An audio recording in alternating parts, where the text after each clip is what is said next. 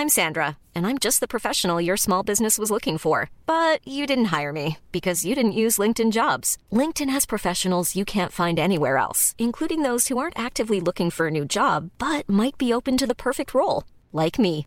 In a given month, over 70% of LinkedIn users don't visit other leading job sites. So if you're not looking on LinkedIn, you'll miss out on great candidates like Sandra. Start hiring professionals like a professional. Post your free job on linkedin.com/people today. Ryan Reynolds here from Mint Mobile. With the price of just about everything going up during inflation, we thought we'd bring our prices down. So to help us, we brought in a reverse auctioneer, which is apparently a thing. Mint Mobile unlimited premium wireless. Ready to get 30, 30, bit to get 30, bit to get 20, 20, 20, bit to get 20, 20, bit to get 15, 15, 15, 15 just 15 bucks a month. So, Give it a try at mintmobile.com slash switch. $45 upfront for three months plus taxes and fees. Promo rate for new customers for limited time. Unlimited more than 40 gigabytes per month. Slows. Full terms at mintmobile.com.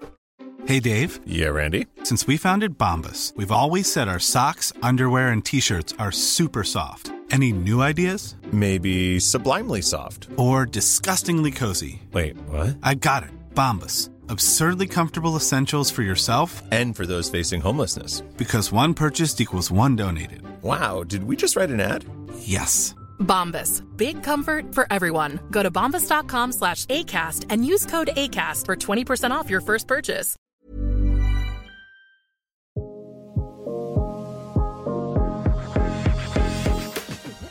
Behöver inte vara en börshaj för att liksom lägga upp ett bra sparande. Eh, att spara på börsen det är ju också att spara i en global indexfond.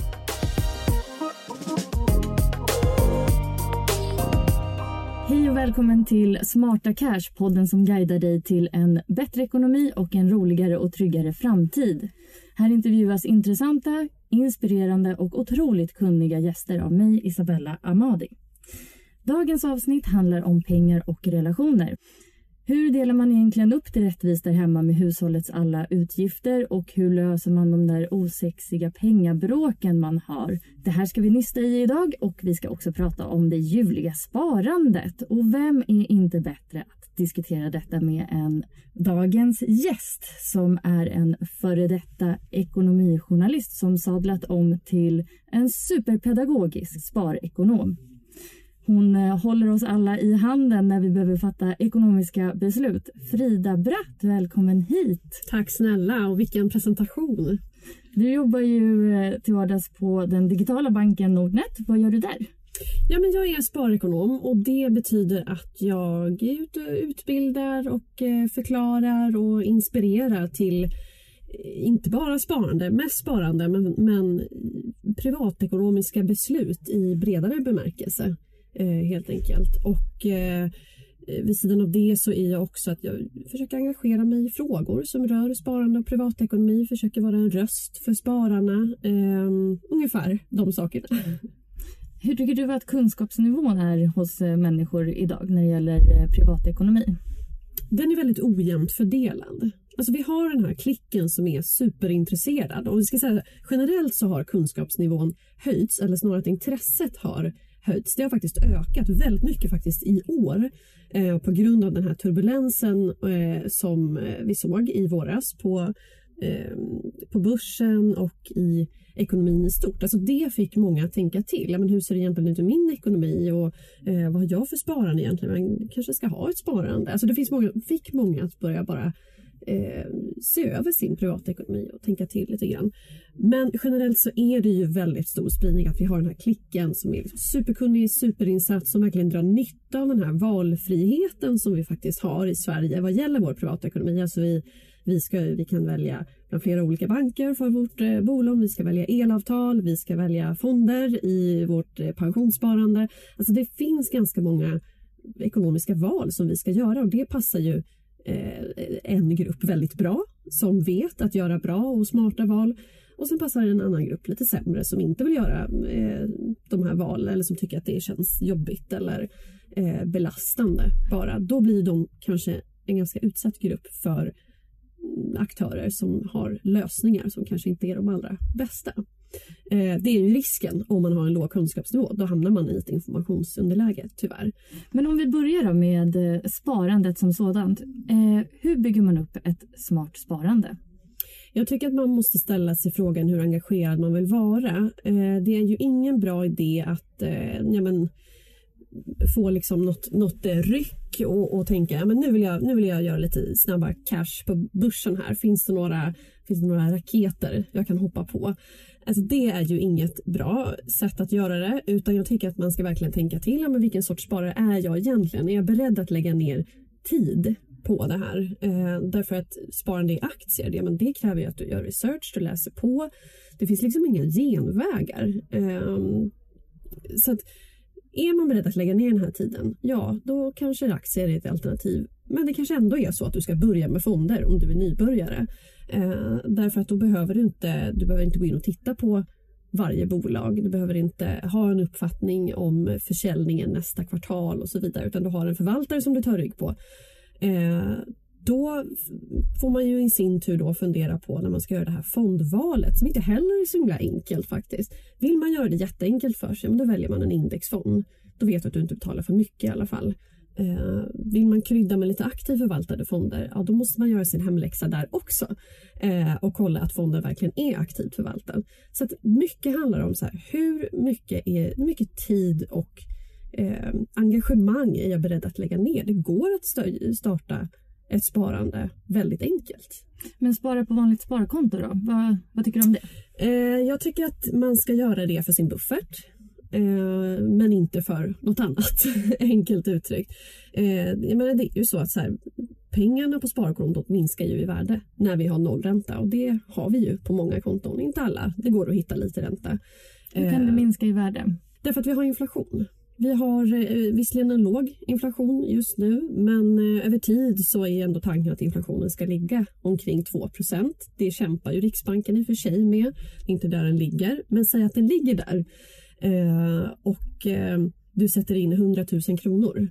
Då har du 50 000 kronor kvar om 35 år om, om den reala räntan är minus 2, vilket det ju blir då om du har noll ränta och sen har du inflation, det vill säga prisökningar på 2% Så allt runt omkring en blir dyrare men pengarna förlorar i värde för de Exakt. ligger bara still? Exakt, så vi har ju inte minusränta i i, liksom i praktik, eller vi har ju inte minusränta på sparkonton men det är det så det blir med den omkringliggande inflationen.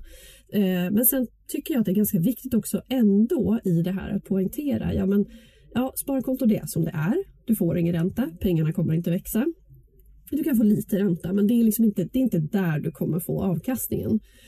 Eh, men lockas inte att investera buffertpengarna, alltså de här pengarna du liksom behöver ha för oförutsedda utgifter. Jag tycker inte att det är någon bra idé att eh, chansa med dem på börsen. Rätt vad det är så ska du använda dem.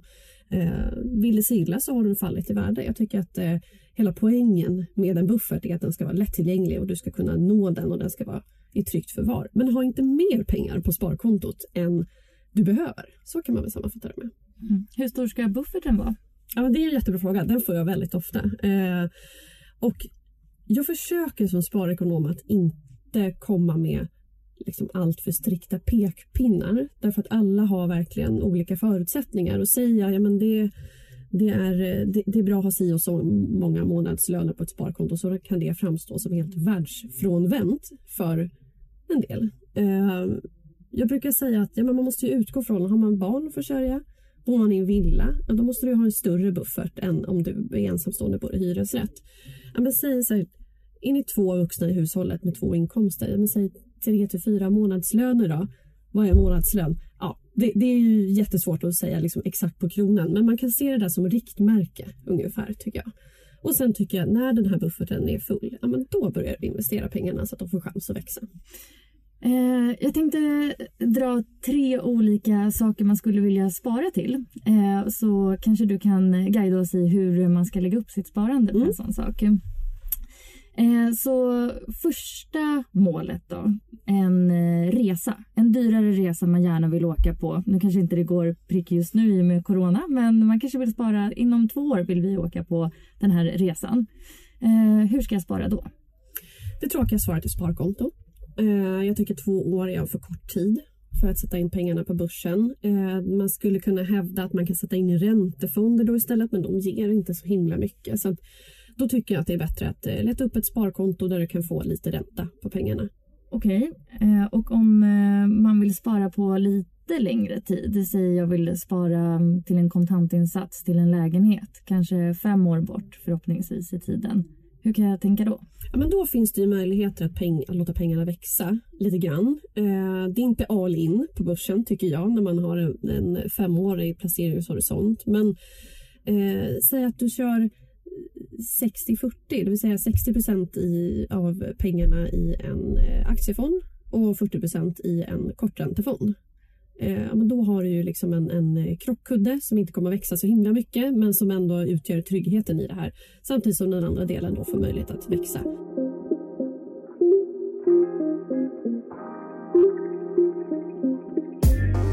Så, fonder och fondtyper, vad finns det för några?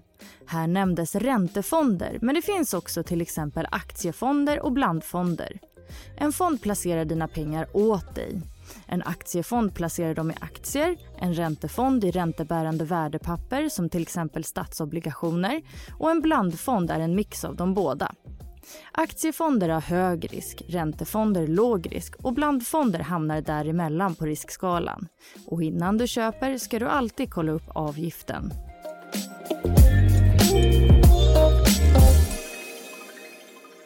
Behöver man kunna vara lite flexibel då så att man inte måste plocka ut pengarna precis när det har varit en stor nedgång eller? Ja, eh, exakt. Alltså det, det är ju därför man måste ha koll på de här andelarna lite grann. Eh, börjar du känna att nu börjar det dra ihop sig, nu är det nog något år bort kanske bara. Ja, men då är det ju läge att börja successivt minska den här aktieandelen. Så att börja nu med 50-50 eller 60-40 eller så. Och sen så håller du koll på det där och så får man liksom vara lite ärlig mot sig själv. Men när tror jag att det här blir verklighet? När tror jag att jag behöver pengarna? Och så minskar man aktieandelen till förmån för räntedelen. Så att övervägande del kanske är räntor då det året som du faktiskt tror att du ska använda pengarna. Mm. Eh, och på ännu längre sikt då, till exempel längre än tio år, man kanske inte ens vet vad det är man sparar till utan man vill bara bygga upp eh, sina rikedomar och tillgångar lite grann eller kanske till pensionen eller en lyxyacht, vad vet jag. Hur ska man eh, spara då? Ja, men det är det som är det roliga med sparande, att har man så lång placeringshorisont då har man verkligen en lyx. Mm. Alltså lyxen att verkligen få pengarna att växa. För då kan man investera pengarna på börsen i aktier eller i aktiefonder, eh, vad som nu passar en.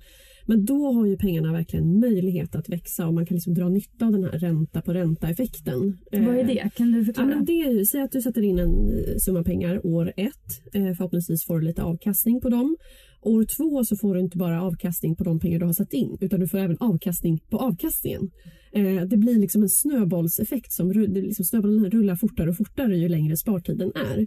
Eh, det brukar kallas för världens åttonde underverk. Eh, eh ja, men det, det, är liksom en väldigt, väldigt eh, fin effekt som man som långsiktig sparare kan dra nytta av. Och Det tycker jag verkligen man ska göra om man sparar till sin pension eller om man inte vet vad man sparar till och bara vill ha ett långsiktigt sparande. Då tycker jag verkligen att det är 100% i aktier eller aktiefonder just för att få den här tillväxten och få möjlighet att få pengarna att växa. När kan man börja se en sån effekt? Nej, men den effekten är ju omedelbar men den, är ju liksom, den, den går ju fortare och blir kraftigare med tiden eh, ju fler år du sparar. Mm. Men riskerna då? Ska man inte vara lite rädd och orolig och sådär? Nej, men börsen är riskfylld, så är det ju. Eh, det måste man ju ha med sig. Så därför är det ju inte läge att ja, men när det händer så som hände i våras exempelvis, när det var lite panikartat faktiskt, Eh, då gäller det ju verkligen att eh, eh, ha tänkt igenom det här och vara, liksom, vara lugn och eh, ehm, ja, men inte hoppa in och ut utan att vara så här, men det här är långsiktiga pengar. Jag behöver inte vara inne och grotta, jag behöver inte eh, logga in och förfasas och sälja av utan det här är långsiktiga pengar. Så det gäller verkligen att ha is i magen med de pengarna. Is i magen är väldigt klyschigt, jag vet. Sitta still i båten, jag försöker inte använda de uttrycken. Men, men det är verkligen viktigt att inte gå in och dutta därför att det som händer då är att man riskerar att sälja av när det har fallit och sen så kommer man inte in riktigt igen. Eh, eller man köper igen när det, har blivit, när det har gått upp igen och missar den där uppgången. Det blir oftast, eller det är väldigt lätt att hamna fel med de här långsiktiga pengarna så har du ju råd att det går upp och ner. Du ska inte ha pengarna nu. Eh, men på lång sikt så historien har ju visat att aktier ökar i värde, att börsen stiger på lång sikt, även om det går upp på vägen.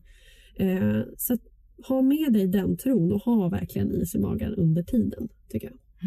Så inte hålla på och hetslogga in när det börjar gå neråt. När man Nej. ändå har en lång sparhorisont. Nej men exakt och, och jag för mig att jag sa i någon eh, intervju där när det var som mest panik. Alltså, logga inte in då om det känns jobbigt. Om det bara känns som att nej, men det bara lyser rött och det är minus. Jag vill bara paniksälja av.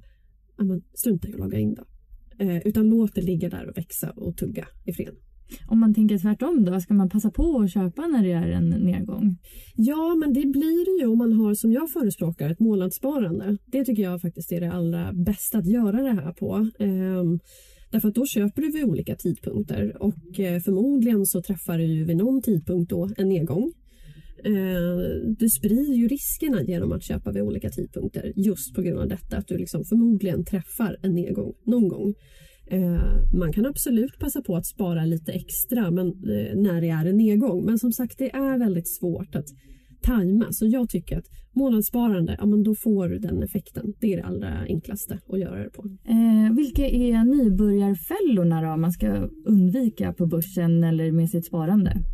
Jag tror att eh, det är kanske framförallt det jag var väldigt inne på att man man tror att man kan gå in och göra snabba klipp och ta genvägar. Alltså man kanske har hört det kanske är någon bekant eller någon i familjen som det har gått väldigt bra för.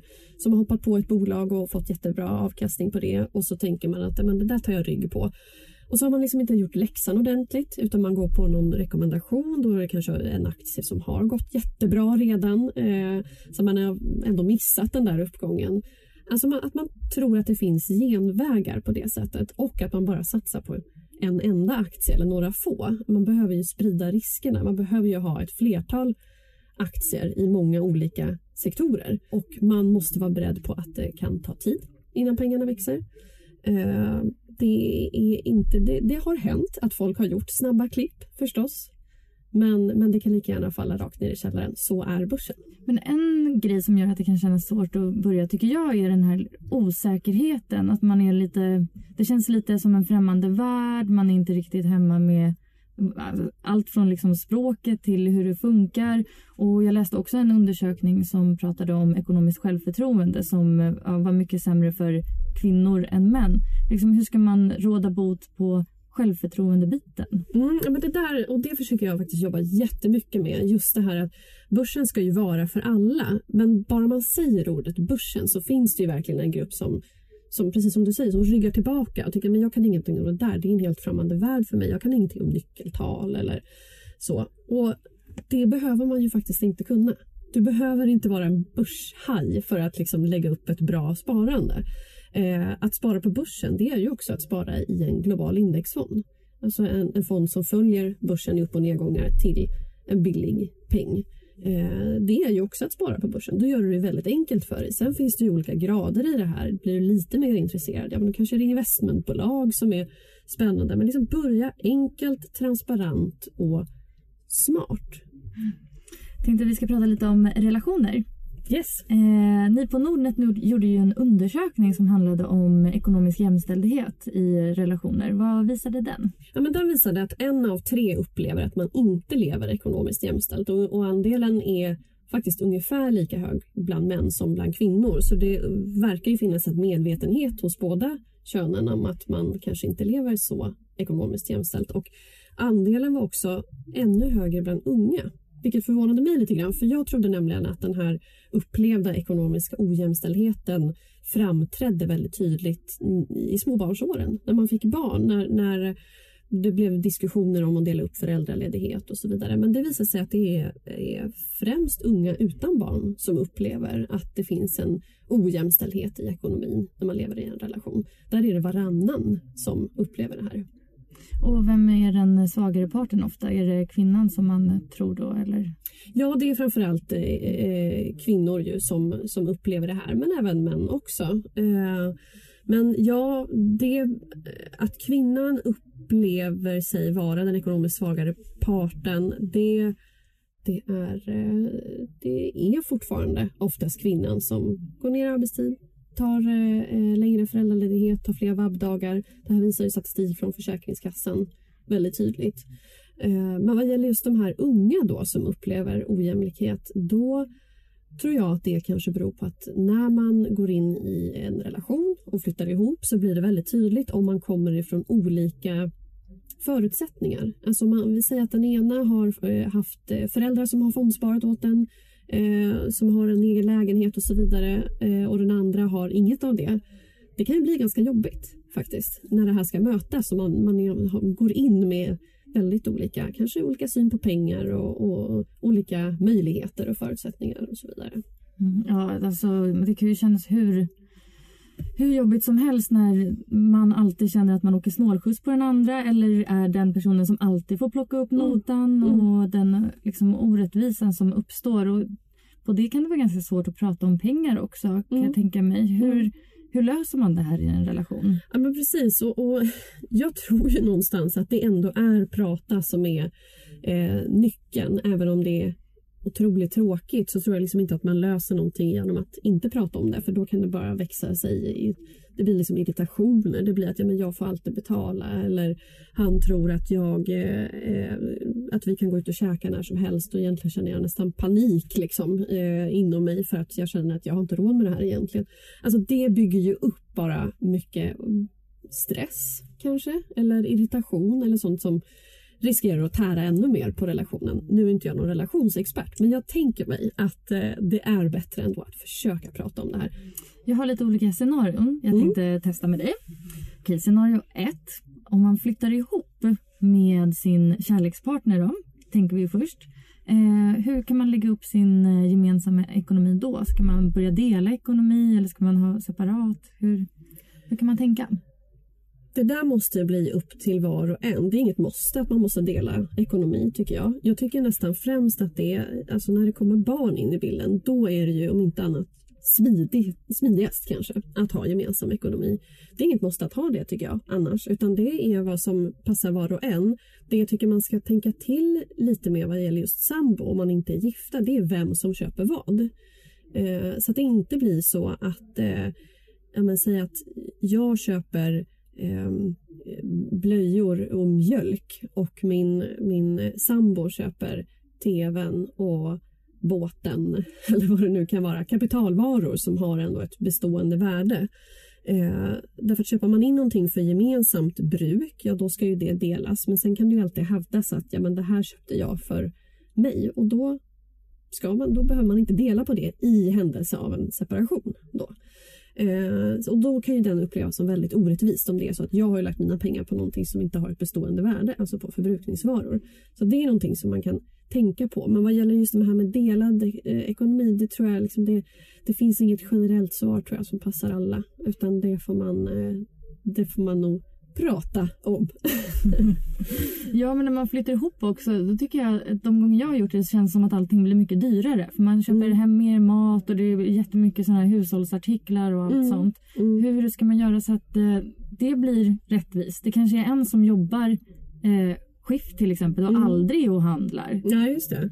Nej, men det är väl också sånt där som man måste, då får man väl ta upp det antar jag. Men, men det är ju, eh, jag tycker så här att eh, är en, en person i en relation som tjänar väldigt mycket mer så är det också rimligt att den personen, personen står för en högre andel av de gemensamma utgifterna oavsett om den personen jobbar skift eller vad man nu gör. Jag tycker faktiskt att det ska vara beroende av nivån på inkomsten.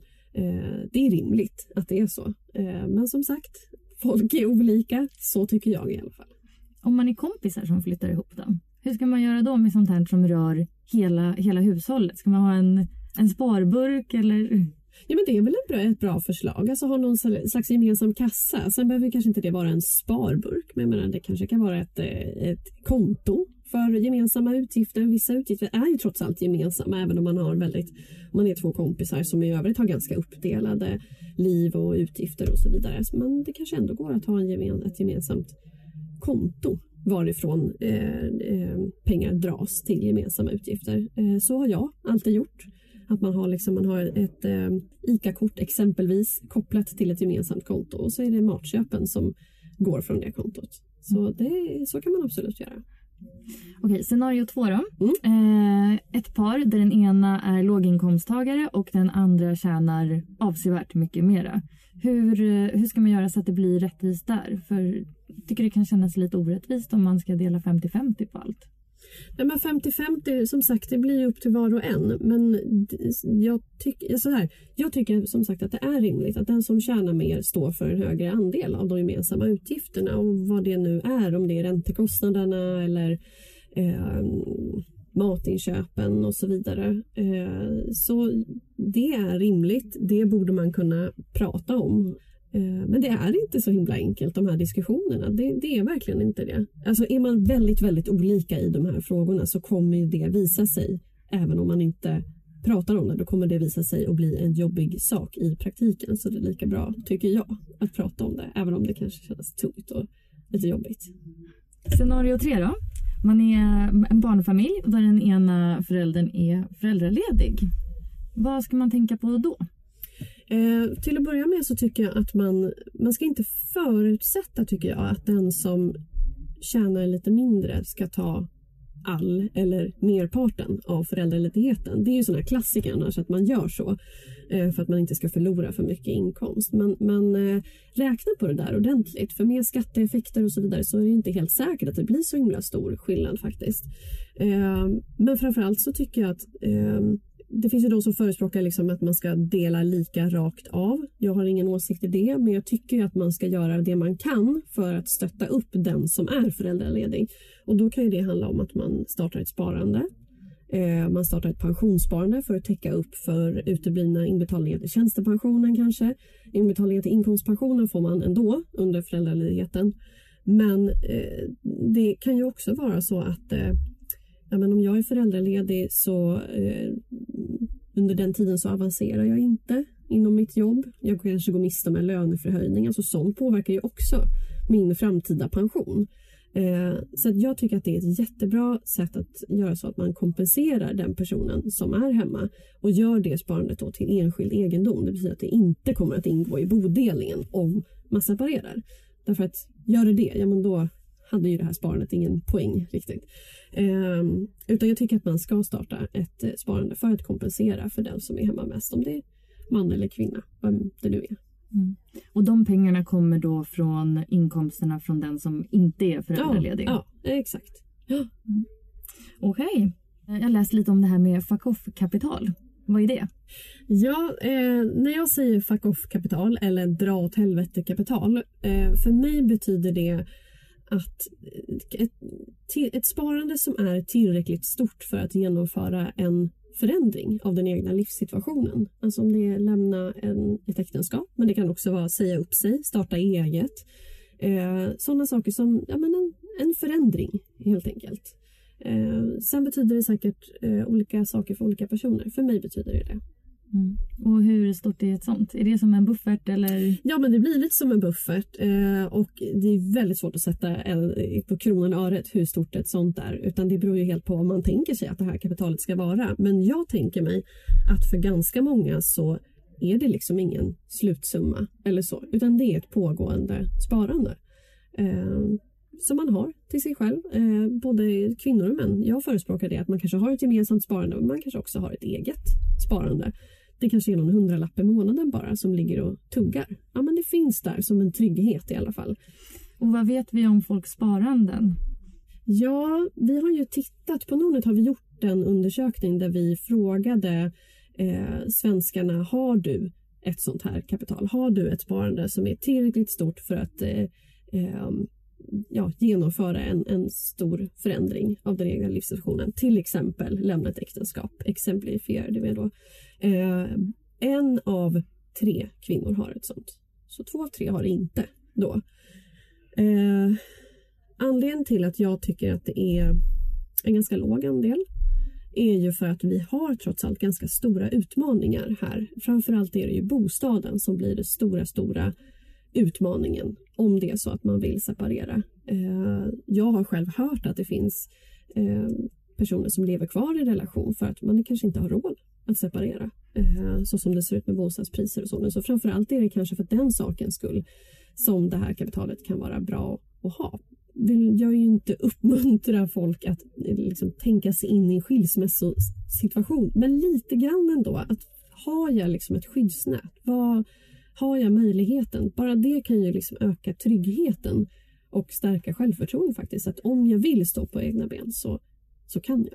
Okej, har du några dos and don'ts när det kommer till privatekonomi? Eh, jag tycker inte att man ska binda sitt eh, bolån. Eh, jag tror inte att vi kommer att få se högre räntor.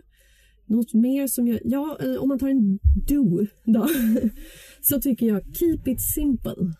Alltså gör det inte kom mer komplicerat än vad det behöver vara. Lite grann det som vi var inne på tidigare. Att, ja, men, vill du ha ett smart, enkelt och transparent sparande, då går det att ordna ganska enkelt. Starta ett månadssparande in i en indexfond. Eh, det behöver inte vara mer komplicerat än så. Mm. Ja, då rundar vi väl av med den klokskapen Ja, då. yes. Tack så mycket Frida Bratt.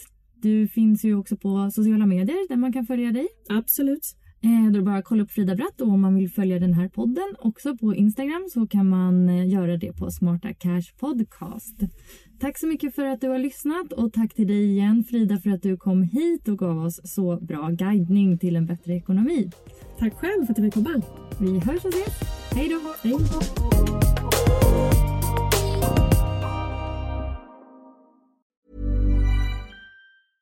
Hey, it's Paige DeSorbo from Giggly Squad. High quality fashion without the price tag. Say hello to Quince. I'm snagging high-end essentials like cozy cashmere sweaters, sleek leather jackets, fine jewelry, and so much more. With Quince being 50 to 80% less than similar brands. And they partner with factories that prioritize safe, ethical, and responsible manufacturing. I love that. Luxury quality within reach. Go to quince.com slash style to get free shipping and 365 day returns on your next order. Quince.com slash style. Mom deserves the best, and there's no better place to shop for Mother's Day than Whole Foods Market. They're your destination for unbeatable savings, from premium gifts to show-stopping flowers and irresistible desserts. Start by saving 33% with Prime on all body care and candles. Then get a 15-stem bunch of tulips for just $9.99 each with Prime. Round out Mom's menu with festive rosé, irresistible berry chantilly cake, and more special treats. Come celebrate Mother's Day at Whole Foods Market. Imagine the softest sheets you've ever felt. Now imagine them getting even softer over time. That's what you'll feel with Bowl and Branch's organic cotton sheets. In a recent customer survey, 96% replied that Bowl and Branch sheets get softer with every wash. Start getting your best night's sleep in these sheets that get softer and softer for years to come. Try their sheets with a 30-night guarantee. Plus, get 15% off your first order at bowlandbranch.com. Code BUTTERY. Exclusions apply. See site for details.